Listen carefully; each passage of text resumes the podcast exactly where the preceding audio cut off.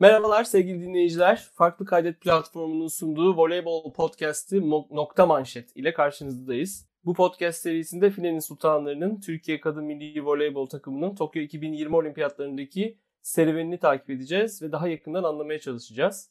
Bu podcast serisini iki kişi olarak gerçekleştiriyoruz ve sunuyoruz. Ben Aytu. Ben Elif. Ee, bizi Twitter'dan da takip ediyor olabilirsiniz. Orada da voleybol üzerine çeşitli yorumlar yapıyoruz. Ben Aytux adıyla, Elif de Goodzella adıyla, G00D Zella adıyla. Elif nasılsın? Heyecan var mı? Hem podcast'in ilk programın heyecanı hem de olimpiyat heyecanı. İyiyim. Her iki heyecanı da yaşıyorum şu an.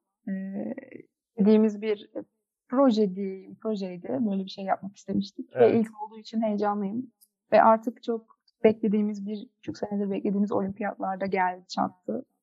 Evet. Ee, tabii ki heyecan dorukta. Sen nasıl hissediyorsun? Ben de çok heyecanlıyım. Ee, cumartesi yayına girecek e, bu program. Pazar günü saat 10'da, 10.20'de sanıyorum ilk maçımız var. Hem de e, son olimpiyat şampiyonu Çin'le oynayacağız. Gerçekten çok heyecanlıyım. Bu ilk programımızda ele alacağımız soru şu. Biz olimpiyata kadar nasıl geldik? Türkiye Kadın Milli Voleybol takımı 2016 olimpiyatlarına katılamamıştı. Fakat 2020'de hem de oldukça iddialı bir şekilde ya da belki de bizim için iddialı bir şekilde e, olimpiyatlara gelme başarısı gösterdik. Olimpiyatları e, olimpiyatlara katılma başarısı gösterdik. Biz de 2016 olimpiyat elemelerinden bu yana takımımızın nasıl bir gelişim, nasıl bir dönüşüm gösterdiğini ele alacağız bu ilk programımızda.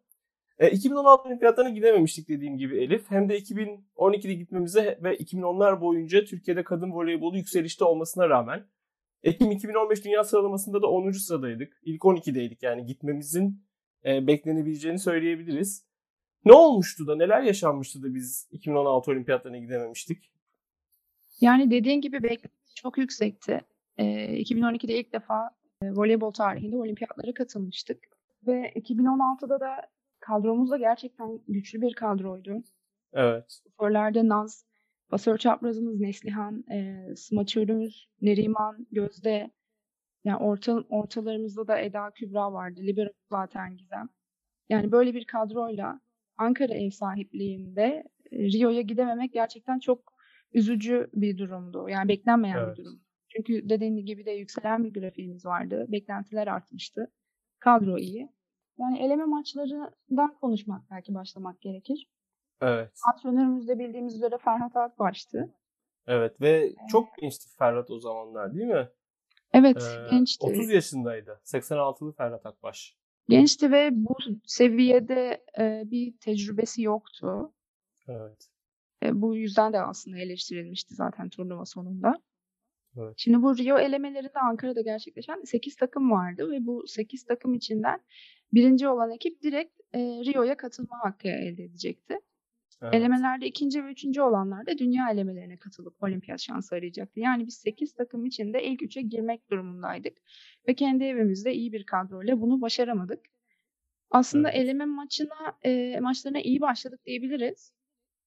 Hırvatistan'a karşı bir e, 3-0 net galibiyetimiz vardı. E, özellikle son sette e, blok üstünlüğü kurarak rahat bir şekilde maçı almıştık. Almanya'ya karşı 3-1 kazandık yine. Sonra e, üçüncü maçımız olan e, Giovanni'nin de antrenörlüğünü yaptığı Hollanda'ya 3-0 yenildik. Evet. E, bu şekilde yarı finale çıktık. E, Rusya'ya yarı final maçında kaybettik. Ve final maçında da İtalya ile eşleştik ve maalesef İtalya ile 5 setlik gerçekten çok çetin geçen bir maç oynadık. E, dediğim gibi Ankara'da oynandı bu maç ve son iki set e, iki takım da ay son set iki takım da gerçekten alev aldı. E, zaten 15-13 bitmişti maç. Evet, çok üzücü gerçekten. Evet kesinlikle. Bunun sonucunda çünkü, gidememiş olmak. Evet aynen öyle. Final setine de aslında önde başlamıştık. Saha değişimine önde biz girmiştik. Hatta belki hatırlayanlar olur. Saha değişiminden önce Eda'nın bir hücumu vardı. Rakibin e, blok teması vardı ama o blok teması çalınmadı ve sayı İtalya'ya verilmişti. Ama işte orada da Ferhat eleştirilmemiş miydi? Çünkü e, evet. out için in-out challenge evet. istedi. Evet. Evet böyle bir maalesef e, olay da olmuştu. E, saha değişiminden sonra da smaçörlerinin İtalya'nın kurduğu bu baskı sonucunda üstünlüğümüzü kaybettik. E, böyle olunca da elemeleri dördüncü sırada tamamladık. E, dördüncü sırada tamamlayınca da maalesef dünya elemelerine katılma şansını kaybettik ve e, Rio defterini kapatmış olduk bu şekilde. Evet gerçekten çok üzücü. Yani Gözde Kırdar'ın en son Başak Koç'a verdiği bir röportajda da Rio Olimpiyatlarına gidememekten dolayı ne kadar üzgün olduğunu görmüştük. Gidilememiş olmasından dolayı. Evet. Ee, gerçekten çok üzücü ve eğer gidebilseydik dünya elemelerine de çok büyük ihtimalle gidecektik. Çünkü İtalya ve Hollanda dünya elemelerini ilk iki sırada bitirdiler. Yani Avrupa elemelerinden giden takımlar dünya İkisi elemelerini... de çıktı. Evet. Aynen öyle. İkisi Aynen de öyle. çıktı. Direkt ikisi de olimpiyatlara katıldı. Yani kesin 2010 olimpiyat yolumuz açık olacaktı eğer gruptan çıkabilseydik. Evet. 2016 olimpiyatlarının flash takımlarından biri de Hollanda'ydı. Hollanda. Giovanni Guidetti'nin başında olduğu e, Hollanda'ydı. E, gerçekten çok başarılı bir performans sergilemişlerdi 2016 olimpiyatlarında değil mi? Evet, eleme grubunu onlar ikinci sırada tamamladılar. Ve çok E, güçlü zaten- bir grupta. Evet, güçlü bir grupta güçlü bir takıma sahipti aslında Giovanni. Ee, pasör pozisyonda da hakimi vardı. Pasör çaprazı, Löneke Sloches. Ortada İnanılmaz. Bellian, Robin de Cruyff. Smaçörleri artık Maret, Celeste Plak, Ana Baş. Yani say say bitmez gerçekten iyi bir kadrosu vardı. Kadroda Ve neredeyse hepsi ligimizde de oynadı. Evet sonralarda e, ligimizde de hatta zaten o, o dönemde Löneke Vakıfbank'ta oynuyordu. Evet. Eleme maçlarını dediğim gibi ikinci sırada tamamlamışlardı ve yarı finale çıktılar ve İtalya'yı 3-0 yendiler yarı final maçlarında. Gerçekten çok Ee, iyi bir performans. Evet kesinlikle sadece final maçında Rusya'ya 3-1 kay- kaybettiler ve tabii bu Rusya'nın kadrosu da o zaman Yana Şerbanlı, Koşelevalı, Gonçalevalı, e, Korolevalı. Çeyrekte Güney Kore'yi 3-1 yendiler. Olimpiyatlarda 2016 olimpiyatlarında. Ben elemelerden bahsediyorum şu an. Ha, Elemelerde anladım, yani anladım. e, yaptıkları başarılardan. Zaten Evet. buradan ikinci sıradan e, anladım. dünya elemelerine katılmaya hak kazanmışlardı. Aynen olimpiyat maçlarında çeyrek finale kadar çıktılar. Hatta yarı finale kadar çıktılar. Yarı finalde maalesef Çin'e e, 3-1 kaybettikleri bir maç oldu. Sonra üçüncülük Evet. maçı oynadılar e, ABD ile. Onları da 3-1 kaybedince turnuvayı yani olimpiyatları dördüncü sırada bitirdiler. Ve hatta e, şeyde olimpiyat rüya takımına girmeye hak kazanmıştı. Löneke Sloches. Pas- Evet. En iyi pasör çaprazı seçilmişti. Evet. Güzel bir MVP'si turnuva Zoo'ydu geçirdi değil mi? Hollanda. Evet aynen Zooting de MVP olmuştu. Hatta aynı, en iyi smaçör de seçilmişti aynı zamanda. Evet. Çok ilginç. Ee, 2016 olimpiyatlarında da Giovanni'nin başında olduğu takım yani Hollanda ilk maçını Çin'le oynamıştı. Aynı şimdi de Giovanni'nin başında olduğu takım olan Türkiye gibi. Türkiye'de 2020 olimpiyatlarında ilk maçını Çin'le oynayacak. Ve Hollanda Çin'e karşı çok sürpriz bir galibiyet elde etmişti. Evet 3-2 2016'da. almıştı. Belki diyorsun ki biz de alabilir miyiz acaba? Böyle bir sürpriz yapar mıyız? Guidetli Şimdi şans. onu demek çok zor. Guidetti şansı, Guidetti mucizesi bize de gelir mi bilmiyorum ama Çin şu anda gerçekten çok baskın bir voleybol oynuyor. Onu demek gerçekten çok zor ama yani insana ufak da olsa bir umut veriyor tabii ki. Onu da söylemeden geçmeyelim. Evet biraz düz mantık düşünürsek gerçekten de Giovanni Çin'e karşı ilk olimpiyat maçlarını alır gibi evet bir aynen. çıkarım keşke yapabilsek. Ee, Çin'le olan karşılaşmamıza programın sonunda tekrar e, döneceğiz. Yarın Çin'le oynanacak karşılaşma hakkında da fikirlerimizi e, konuşacağız ama şimdi birazcık 2016'da dediğimiz gibi Ferhat Akbaş eleştirilmişti. 2016 sonrasında e, Türkiye Voleybol Federasyonu'nun başına Mehmet Akif Üstündağ geçti ve biz 2016 olimpiyatlarının flash antrenörlerinden biri olan Giovanni Guidetti milli takımımızın başına geçirdi. Bu gerçekten çok iyi bir gelişmeydi değil mi Türkiye e, voleybolu için, kadın voleybolu için? Evet Milli kesinlikle. için. Zaten e, 2008 olması lazım. Yılından beri Vakıfbank'ta da aktif olarak antrenörlük Evet. yapıyordu. 2017 yılında da e, takımımızın başına getirilmesi gerçekten iyi bir vizyon olduğunu düşünüyorum ben de. Evet. Nasıl bir vizyonla? Şimdi geriye baktığımızda oldukça da fazla sene geçti sayılır. Yani 4 seneden fazla oldu. E, neler yaptı? Nasıl bir vizyonla Giovanni takımın başına geçti sence? Yani Giovanni'nin takım başına geçmesiyle bence e, yavaş yavaş adım adım bir sistem kurmaya çalıştığını görüyoruz aslında turnuva turnuva takip ettiğimizde. E, hani Ferhat Akbaş dönemiyle e, yüzde yüz karşılaştırma yapamıyorum ben şu an. Çok e, net Zor hatırlayamadığım tabii maçlar oluyor. Evet. Oyuncular farklı, her şey farklı, dönem farklı. Ee, ama Giovanni'nin e, kurmaya çalıştığı bir sistem var dediğim gibi ve e, takım oyununa önem verdiğini düşündüğüm bir antrenör. Çünkü oyuncu seçiminde pozisyonun en iyisi olmasa da görevini en iyi şekilde yerine getirecek öğrenmeye istekli e, takım içinde uyumlu oyuncular tercih ediyor. Yani en azından benim gözlemlediğim bunlar. Evet. Kadro mühendisliğine dikkat ediyor. Yani öyle bir kadro kurmalıyım Kesinlikle. ki diyor. Manşet zafiyetim olmasın.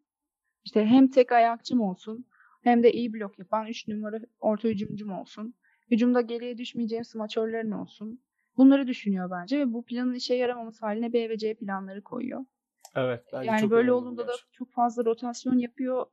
fazla rotasyon yapmasıyla eleştirildiği de oluyor ama dengeyi bu şekilde bulmaya ve çalışmaya şey sağlamaya çalışıyor bence. Evet. Yani voleybol bakıldığında servisle başlıyor ama oyun aslında servis karşılamayla başlıyor ve oyunun Aynen. yönü bu servis karşılamanın kalitesiyle şekil alıyor. Aynen Guidetti'nin servis karşılamaya çok önem veren bir antrenör olduğunu düşünüyorum. Zaten kurduğu kadrolarda evet defansif yönü güçlü, smaçör ağırlıklı bir takım oluşturmuş hep. Ee, yani genel olarak bu şekilde bir kadro e, kurmuş. Evet. Yani en iyi hücumcular bende olsun mantığıyla pek hareket etmiyor en azından milli takımda. Ee, bunu öncelediğini söyleyebilirim. Evet Zoran Terzic'ten farkı mesela o değil mi yani? Zoran Terzic e, işte bir libero bir defansif smaçörle günü kurtarayım. Neredeyse iki pasör çaprazıyla oynayayım. E, sistemiyle oynatıyor. Sırbistan'ı, evet. Boşkovic ve Mihailovic. Ama ben Guidetti'nin buna çok fazla göz yumacağını, böyle bir oyun planı çok toler edeceğini düşünmüyorum. Yani çok servis karşılamayı çok önemseyen bir antrenör gibi düşünüyorum. Evet, az önce de dediğim gibi yani kadro seçimleri, ilk altı seçimleri, oyun içindeki değişiklikler bunları gösteriyor bence de. Evet. İstatistiksel analizlere çok önem veriyor. Video ile çok çalıştırıyor takımı. Kondisyon antrenmanlarının çok ağır olduğunu biliyoruz. Günde 6-7 saatlik antrenmanlar yaptığını hatta bazen kondisyonerlerin e, Guidet'in antrenmanlarını durdurduğunu biliyoruz. Yani yeter artık takımın e, takımın hiç hali kalmadı durmamız lazım diye. E, gerçekten çok yönlü, çok ilginç, izlemesi de çok keyifli bir antrenör aslında. Evet kesinlikle katılıyorum. Bazen e, bazı hareketleri, bazı e, ısrarcı davranışları bizi e, çileden çıkarabiliyor.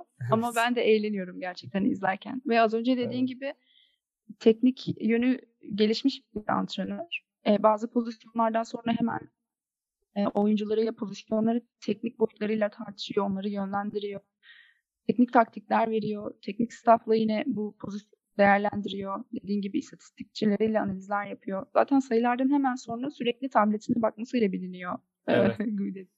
Hatta ben ona tablet reis diyorum. Evet. Sayıyı biz Eskiden kara kaplı defteri vardı. Şimdi artık tablet. Aynen artık e, tablete geçiş yaptı.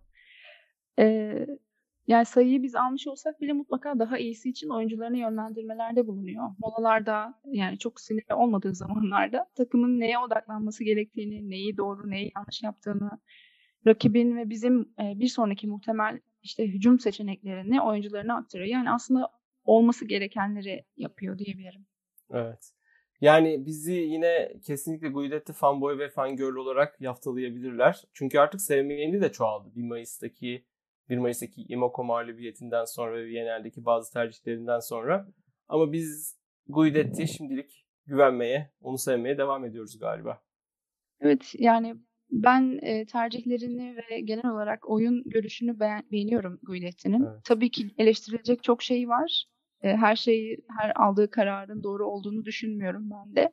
Hatta e, zaman zaman bahsetmiştim Twitter'da da e, çok ısrar ettiği bazı oyun düzenleri var. ısrar ettiği oyuncular var. Çalışmasa da durum.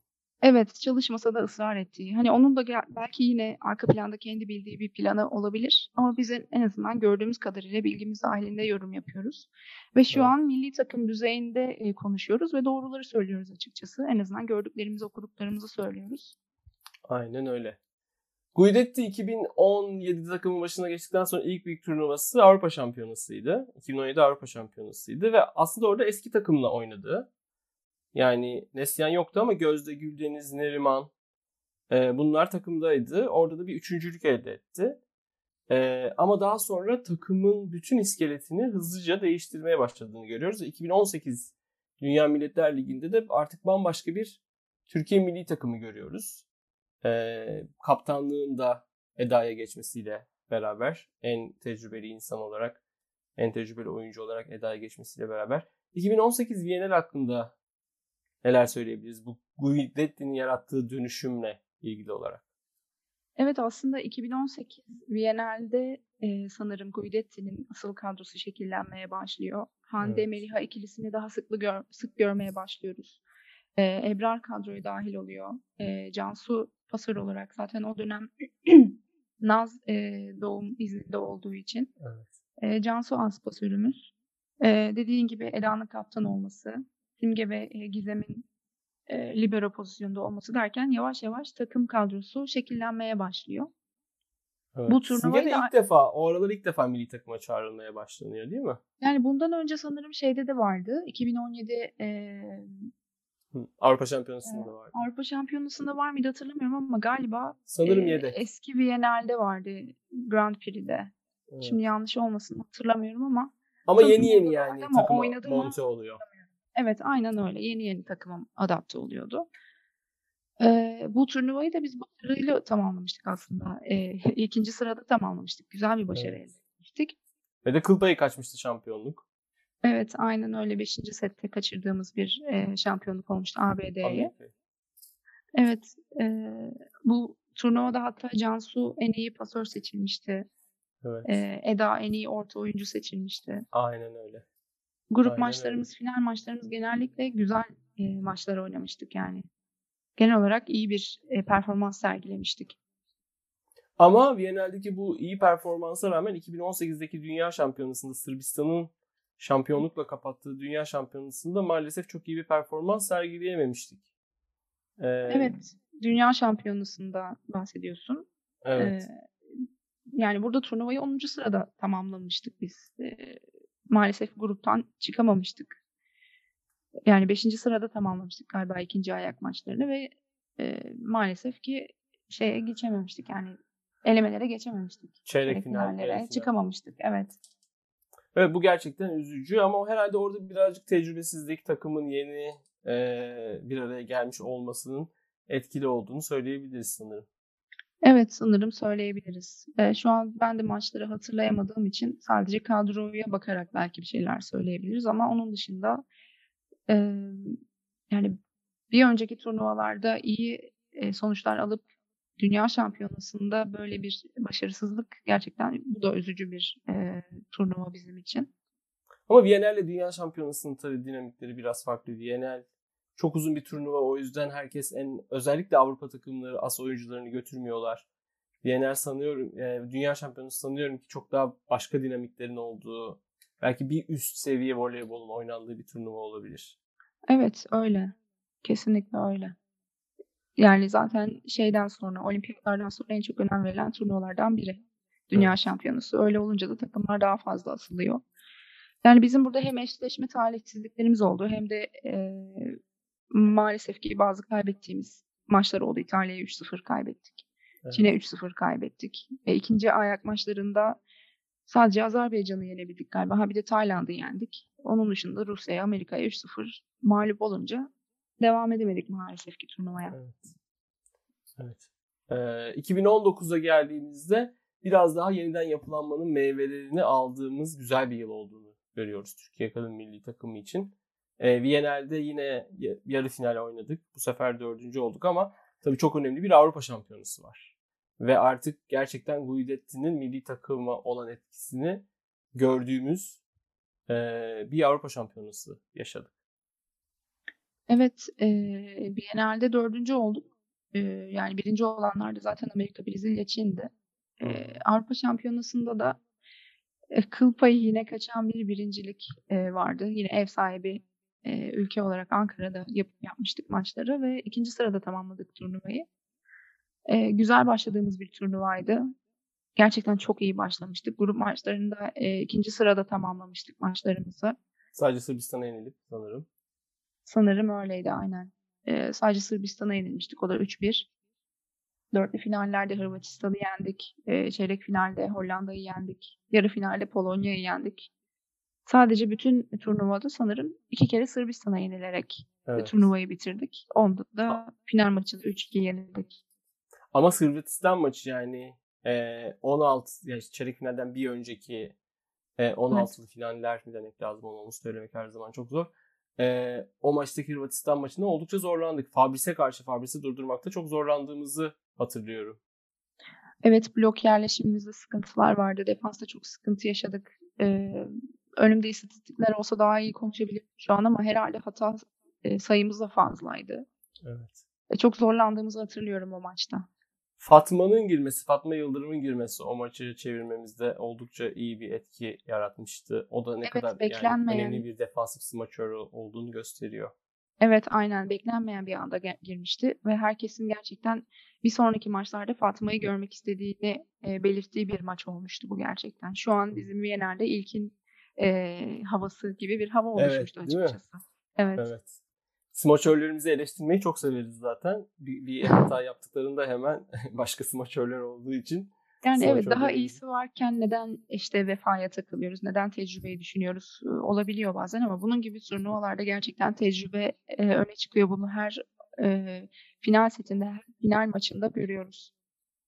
Fatma da aslında e, ilginç bir oyuncu yani kariyeri daha sonradan e, açılmış. İşte milli takıma daha geç katılmış. Kulüp kariyerinde de başarılarını daha geç elde etmiş bir oyuncu ama ben yani, yani çok kaliteli bir smaçör olduğunu düşünmüşümdür her zaman. Yani hem hücumda ama daha çok tabii ki savunmada e, çok başarılı bir smaçör olduğunu düşünmüşümdür. Ben de öyle düşünüyorum. Yani Meliha e, ya benzer özellikler gösteriyor. Zaten ikisi de e, beach voleybol e, şeyi evet. olan, geçmişi olan oyuncular. Çok atletik. Evet, sadece sanırım Fatma'nın çok sıçrama yeteneği e, fazla değil bence. Yani defansta Hücumda ikisi daha, de çok daha iyi işler yapıyor. Herhalde. Evet, hücumda daha az güçlü olduğunu ben de söyleyebilirim.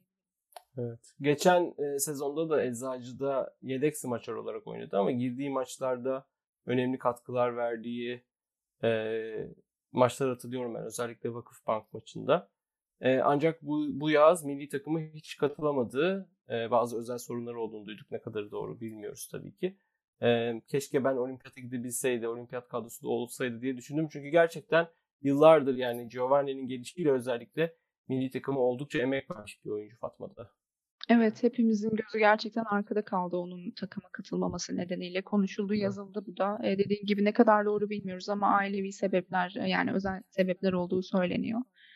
Yani umarım her, sorun neyse çözülür ama bundan sonraki süreçte artık milli takıma e, smaçör olarak girebilir mi zannetmiyorum açıkçası. Hani o kötü olduğundan değil, e, önünde daha fazla insan olduğu için, voleybolcu olduğu için.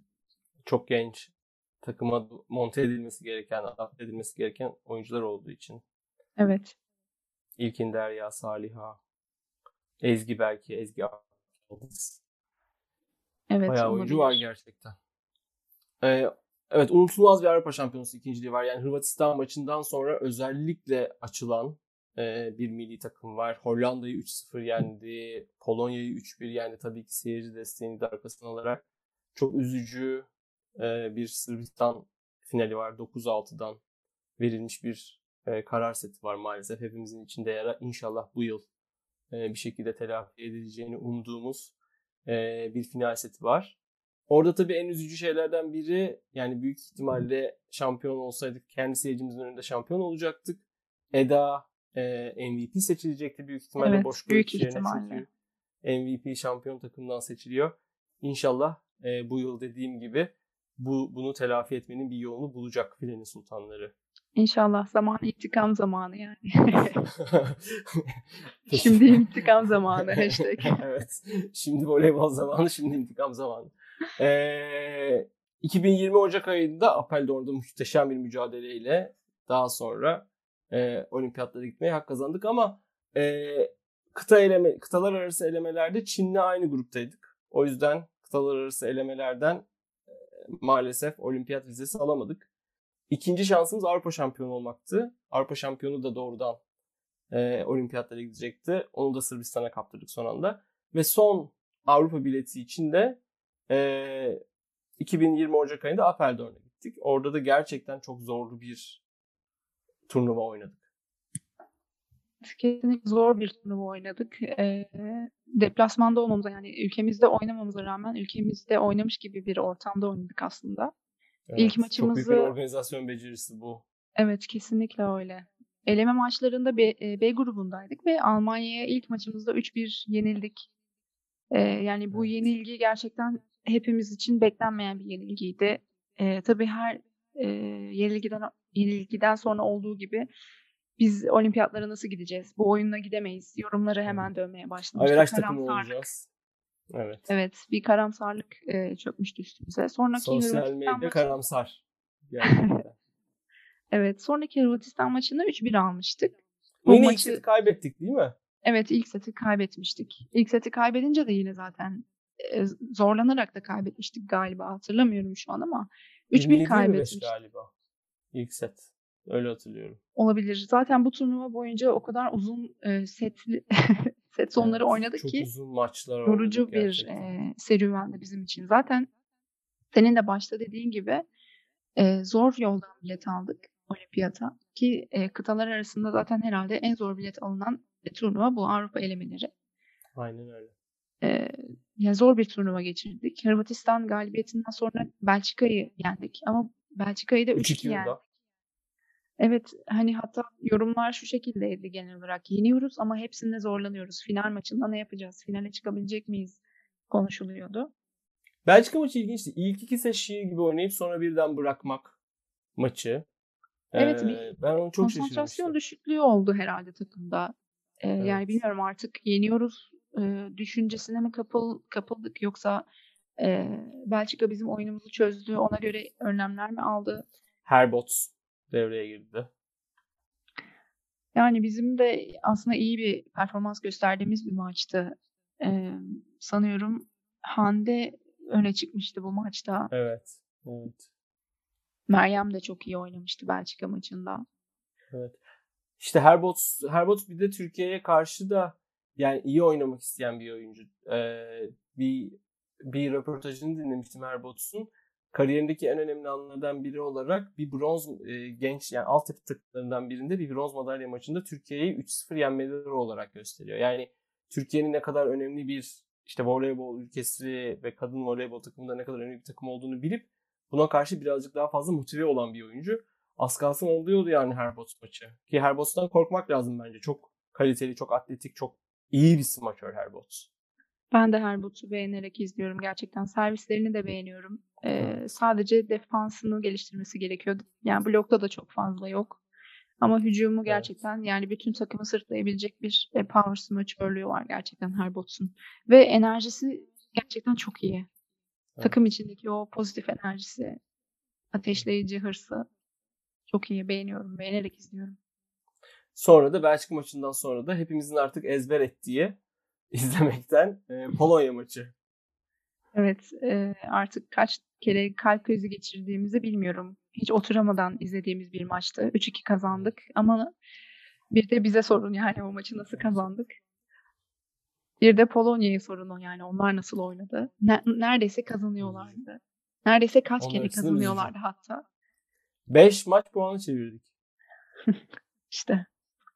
Yani mükemmel bir maç çıkardığımızı düşünüyorum. Gerçekten tüylerim diken diken izliyordum bütün maç boyunca. Hatta hala geyiği döner.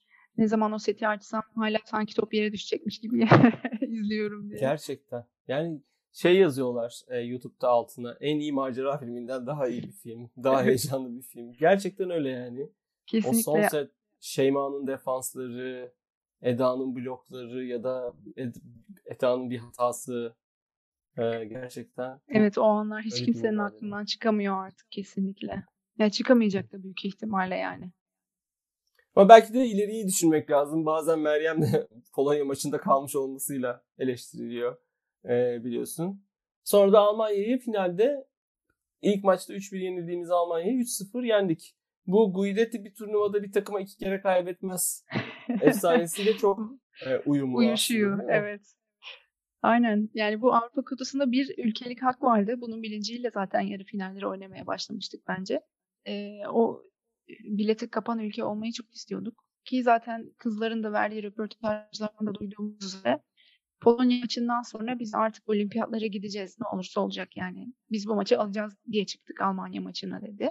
Yani burada e, performansın ötesinde bir e, mental güç olduğunu düşünüyorum evet. ben. Almanya maçına daha e, sağlam bir mental kapasiteyle çıktığımızı düşünüyorum. Ve bunda da işte 3-0'lık net bir galibiyet etkili oldu bence. Evet gerçekten inanılmaz yani 3 setin sonu da gerçekten çok güzel. E, Luisa Lippmann Almanya'nın pasör çaprazı o da kaliteli bir oyuncu. Türkiye Ligi'ne gelip gelmeyeceği de zaman zaman konuşuluyor. Onun bir röportajını izlemiştim daha sonra. Son yıllarda oynadığı en güçlü takımın o final maçındaki Türkiye takımı olduğunu söylüyor. Yani hiçbir şey yapamadık. Her ne yaptıysak durdurdular diyor. Gerçekten dediğin gibi mental gücün o kendine güvenin büyük bir etkisi oldu herhalde. Evet, öyle gözüküyor. Yani tabii ki performansımız da iyiydi. Servis karşılamamız iyiydi. Hücumumuz iyiydi. Eee, bloklarda da fena değildik.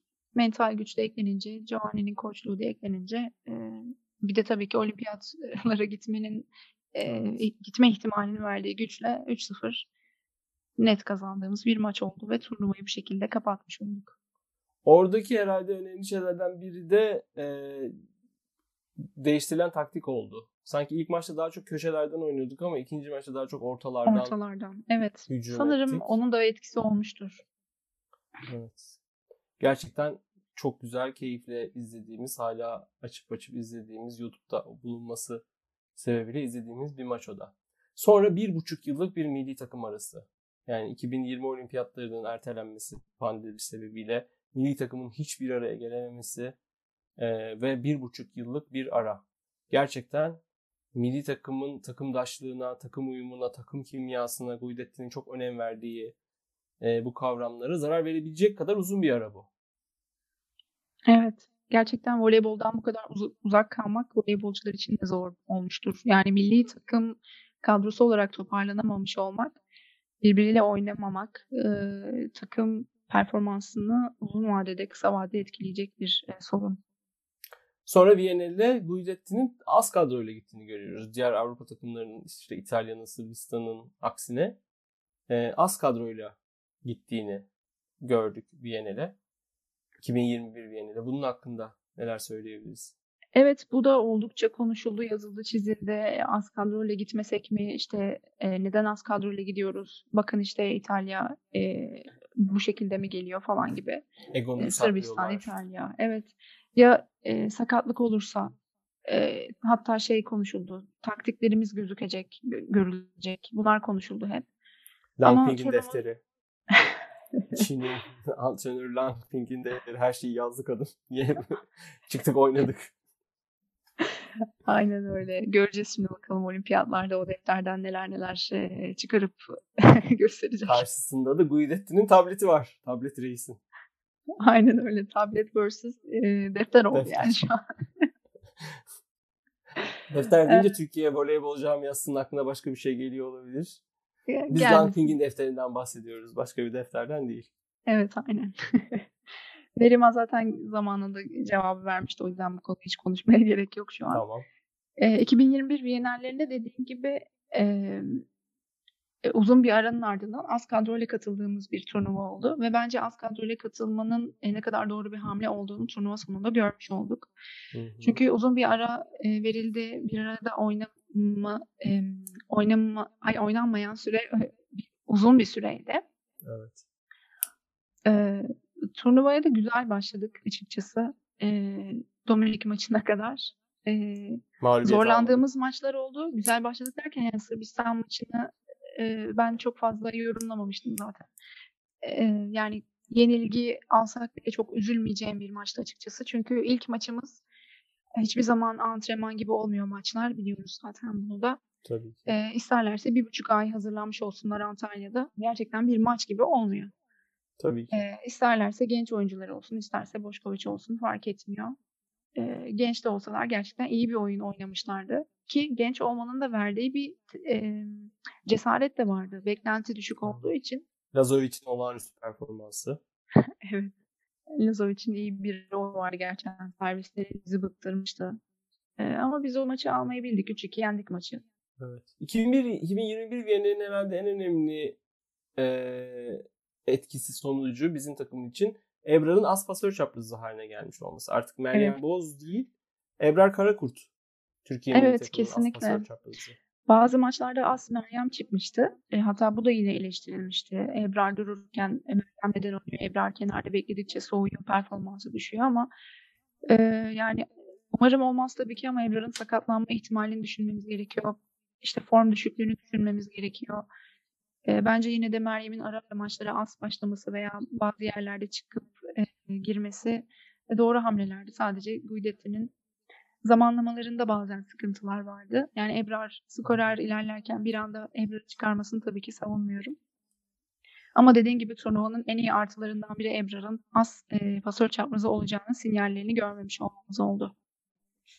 Ee, Naz'la Cansu'nun hangisinin bizim as pasörümüz olduğuna dair e, biraz tartışmalar oldu DNL boyunca ama bence birbirini çok iyi tamamlayan iki pasörden bahsediyoruz. Evet kesinlikle. Ee, ben de katılıyorum sana. Ee, yani verdikleri pas kaliteleri ve pas tercihleri açısından tamamen birbirini tamamlayan pasörler olduğunu düşünüyorum. Cansu'ya da Naz'a da ihtiyacımız olan çok anlar olacak. Ben de o yüzden as pasörümüz şu olsun, e, diğeri olmasın diyemiyorum asla. Ben de bu konuda sana katılıyorum gerçekten. Yani köşelere ve ortalara olan uyum birbirini tamamlıyor gerçekten. Evet, ve iki yani bu işbirliği 2019 Avrupa Şampiyonası'nda da bu birbirini tamamlama, Cansu Yunus arasındaki bu birbirini tamamlama hem 2019 Avrupa Şampiyonası'nda hem 2020 olimpiyat elemelerinde, Apeldorn olimpiyat elemelerinde çok işimize yaramıştı. Evet, e, bu birbirini tamamlama olayı gerçekten o zaman da işimize yaramıştı. Ve de tabii ki büyük smaçör tartışması. Hande, Meliha, Şeyma, Tuğba, İlkin, Derya, Saliha, e, ve Fatma'nın yani gıyabında Fatma gibi uz- uzun süren aslında uzun sürmesini de beklediğimiz yani ben sezon boyunca tartışmanın sonunda smaçöre geleceğini biliyordum yani hangi smaçörlerin olimpiyata gideceğini geleceğini biliyordum tartışmanın ama e, ilkinin bu kadar önde olacağını düşünmüyordum. Ben sanki Derya tercihi olur genelde ve Derya'nın götürülmesi istenir diye düşünmüştüm ama ilkin önemli bir çıkış yakaladı genelde. Evet, e, dediğin gibi olimpiyatlar öncesinde smaçörlerin bu kadar konuşuluyor olması zaten şey olimpiyat elemeleri şey pardon e, Viyanal öncesi. Viyanal öncesinde. Viyanal 2021 öncesi kadro açıklandığında smaçörler en fazla konuşuluyordu. Turnuva bitti yine en fazla smaçörler konuşuluyor. Evet. Ee, ben aslında ilkinin e, oynayacağını az çok tahmin etmiştim ama bu kadar iyi oynayacağını tahmin etmemiştim. Ve Derya'nın da hiç e, süre almayacağını da tahmin etmemiştim açıkçası. Onun için de çok üzüldüm. Ama yine de takımla e, antrenmanlar yaptı, o atmosferi gördü. E, ben bunların da önemli olduğunu düşünüyorum. Belki çok klişe laflar ama Yok. ben bunların kesinlikle önemli olduğunu düşünüyorum. Zaten oyuncular da bunları her fırsatta söylüyor. E, smaçörler açısından verimli bir turnuva geçirdik bence. Çünkü rotasyonu çok fazla yaptık aksadığımız yerde oyuncu değişikliği yaptık. Bazen e, ısrar ettik, oyuncuyu değiştirmedik ama genel olarak smaçörler açısından verimli bir turnuva geçirdiğimizi ve Guidetti'nin kafasında bazı şeylerin e, netleştiğini düşünüyorum ben. Mesela örnek olarak yani Melih sence mesela olimpiyatları şimdi Hande Melih ikilisiyle mi başlayacak yine? Büyük ihtimalle öyle olur. Yani çok yüksek Ama ihtimalle rotasyon Hande Melih olur. Evet Hande düştüğünde e, ki umarım Meliha düşmez. Çünkü Meliha düştüğünde onun kadar iyi defans yapan bir e, smaçörümüz yok. Şeyma var. E, Şeyma olabilir gerçi. Ben Şeyma'nın bloklarını da beğeniyorum bu arada. Blok sektirmesini, blok alttan aldığı sayıları, e, reflekslerini. Yani her şeyini beğeniyorum aslında ben Şeyma'nın. Boyu da, boy avantajı da var. Evet. E, Meliha, Hande düştüğünde belki Tuğba e, girebilir oyuna. Smaçör açısından bence Hande Meliha ikilisiyle başlayacağız. Evet. Öyle Tuğba devam ve... eder büyük ihtimalle. Tuğba ve Şeyma. Şeyma olarak evet, evet değişebilir. Evet, Şeyma e, Polonya maçında Meliha'nın yerine girip defansif smaçörde çok iyi işler yapmıştı. E, Apeldorn'daki evet. Polonya maçında girip.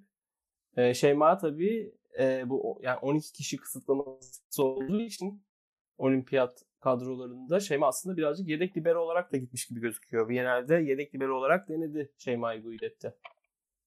Evet öyle gözüküyor tek libero gittiğimiz için ve bence libero forması giyerse de asla sırıtmayacak bir oyuncu şey var. Çünkü hem Viyener'de gördük hem de dediğin gibi Polonya maçında yaptığı müthiş defansları gördük. Ee, yani dersin ki boyu uzun hani çok e, esnek değildir. E, belki hani rahat bir şekilde alamaz o topu. Ama yok yani boy avantajını da kullanıp her yere uzanıp o topu mutlaka çıkarıyor. Evet, İnanılmaz gerçekten... bir kaleci defansı var yani. Evet. Gerçekten defans reis yani defansını çok beğeniyoruz. Keşke hücumunu daha da geliştirse ve yani çünkü gerçekten kaliteli bir oyuncu takıma da çok şey e, katıyor bence. Bu yıl Türk Hava Yolları'nın e, çok başarılı performansında da yani üçüncü olarak bitirmesinde de bence çok emeği var. E, ama tabii biraz hücum problemi gerçekten yaşıyor. Evet. Zaten hücumda da öne çıkan bir smaçör olsaydı e, Meliha'nın önüne çıkmaz. geçeceğini düşünüyorum. Evet az Aynen kadro öyle. başlayacağını düşünüyorum. Evet. Çünkü Meliha'nın da e, yani Şeyma'nın da plaseleri çok iyi olduğunu söyleyemem ama gerçekten Meliha'nın e, plaselerini izlerken gözlerim kanıyor diyebilirim yani. bu kadar kötü değil. Viyanel'de çok kötüydü. Bence bu kadar çok Yok ya 2019 Viyanel'den beri takip ediyorum. 2019 Viyanel'de de bence aynıydı. Yani parmağının ucuyla sadece yukarı doğru atıyor. Nereye gittiğine bakmıyor. Ee, hani attığı yer ve atış yüksekliği hiç düzgün değil bence. Yüksekliği çok kötü. Hiç. Evet, yüksekliği gerçekten evet. çok kötü. Onu görebiliyoruz. Ve zaten hepsi de çıkıyor işte o yüzden de. Aynen. Plase, plase e, olarak aslında takımca çok iyi değiliz. Ebrar da mesela hep liberoların üstüne plase bırakıyor. Hmm. Hande bir e, hangi maçtı? Almanya maçı mıydı? Hırvatistan maçı mıydı? Hangi turnuvada? E, şey olimpiyat elemelerinde Hollanda maçı mıydı? Plaseleriyle öne çıktığı bir maç vardı. Hollanda maçıydı galiba şimdi yanlış olmasın. Olabilir. Onun plaseleri gerçekten çok iyiydi. Blok arkasına kısa düşen, havuza uzayan e, güzel plaseler atmıştı ama genel olarak takımda sanırım plasesi öne çıkan iyi plaselerden bir oyuncumuz yok. Var Meryem'in Meryem'in Avrupa e, Avrupa elemelerindeki plaseleri iyiydi. Ha evet Meryem'in evet. Viyanel'de de güzel plaseleri vardı. E, evet. 4 numaradan şey 2 numaradan yaptığı hücumlarda sağa uzayan hemen bloğun arkasına pıt düşen e, plaseleri vardı. Evet. Ama o da uzun vadede artık blokçular veya pasörler biliyordu Meryem'in evet. nereye plase atacağını. O yüzden onun da çok sürdürülebilir bir plase performansı yok sanırım. Evet plase konusunda gerçekten biraz sıkıntı yaşayabileceğimiz bir dönemdeyiz. Onu görebiliyoruz. Evet. Yarın Çin maçı var. Yani pazar günü 25 Temmuz pazar saat 10'dan itibaren sanıyorum tam başlama saati 10.20 ama biz 10'dan itibaren televizyon başında Mehmet Sevinç abimizi beklemeye başlarız diye tahmin İnşallah Mehmet Sevinç'in sunacağını umuyorum. Çin maçı yani, var aynen, ve ben de onu umuyorum bakalım inşallah.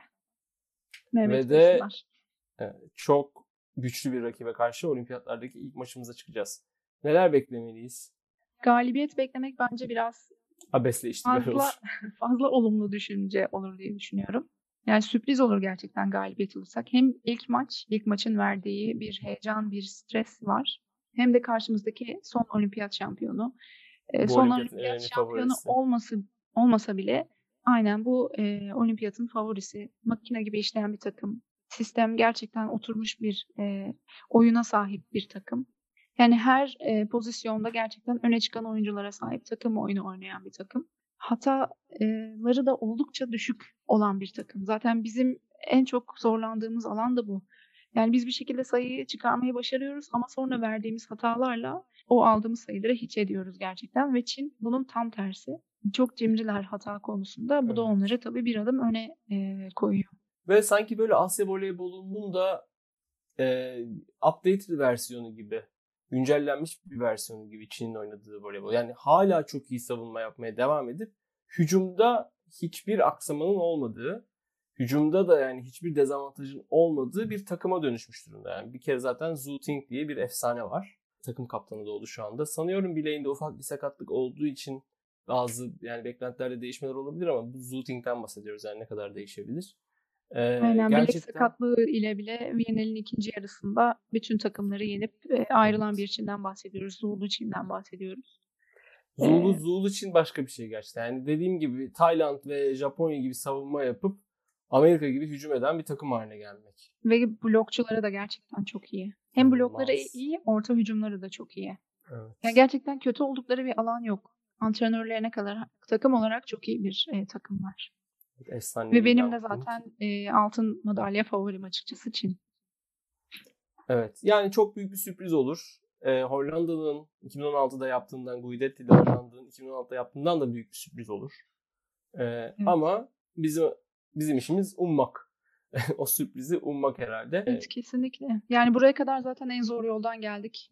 Birçok tecrübeyi e, cebimize koyduk. O yüzden bundan sonrasında umarım maç maç e, iyi oynayarak öncelikle gruptan çıkmayı hedefliyoruz. Bakalım yarınki maçta umarım kazanan taraf biz oluruz ama kaybedersek de üzülmeyeceğimizi biliyorum. Evet podcastimizin ilk bölümünde Türkiye kadın milli voleybol takımının 2016'dan bu yanındaki dönüşümünü konuştuk ve de programın sonunda da Çin maçından, e, olimpiyatlardaki ilk maçımızdan bahsettik. E, Çin maçından sonraki bölümde grubun diğer takımlarıyla oynayacağımız maçları da e, değerlendireceğiz. Elif'le beraber. Podcast'imizin ilk bölümünü dinlediğiniz için, Nokta Manşet'in ilk bölümünü dinlediğiniz için çok teşekkür ederiz. Twitter'da iTux ve Kutzella isimleriyle hesaplarımızı takip edebilirsiniz. Çok teşekkür ediyoruz. Yeni bölümde görüşmek üzere. Teşekkür ederiz. Umarım keyifli bir dinleme olmuştur sizin için.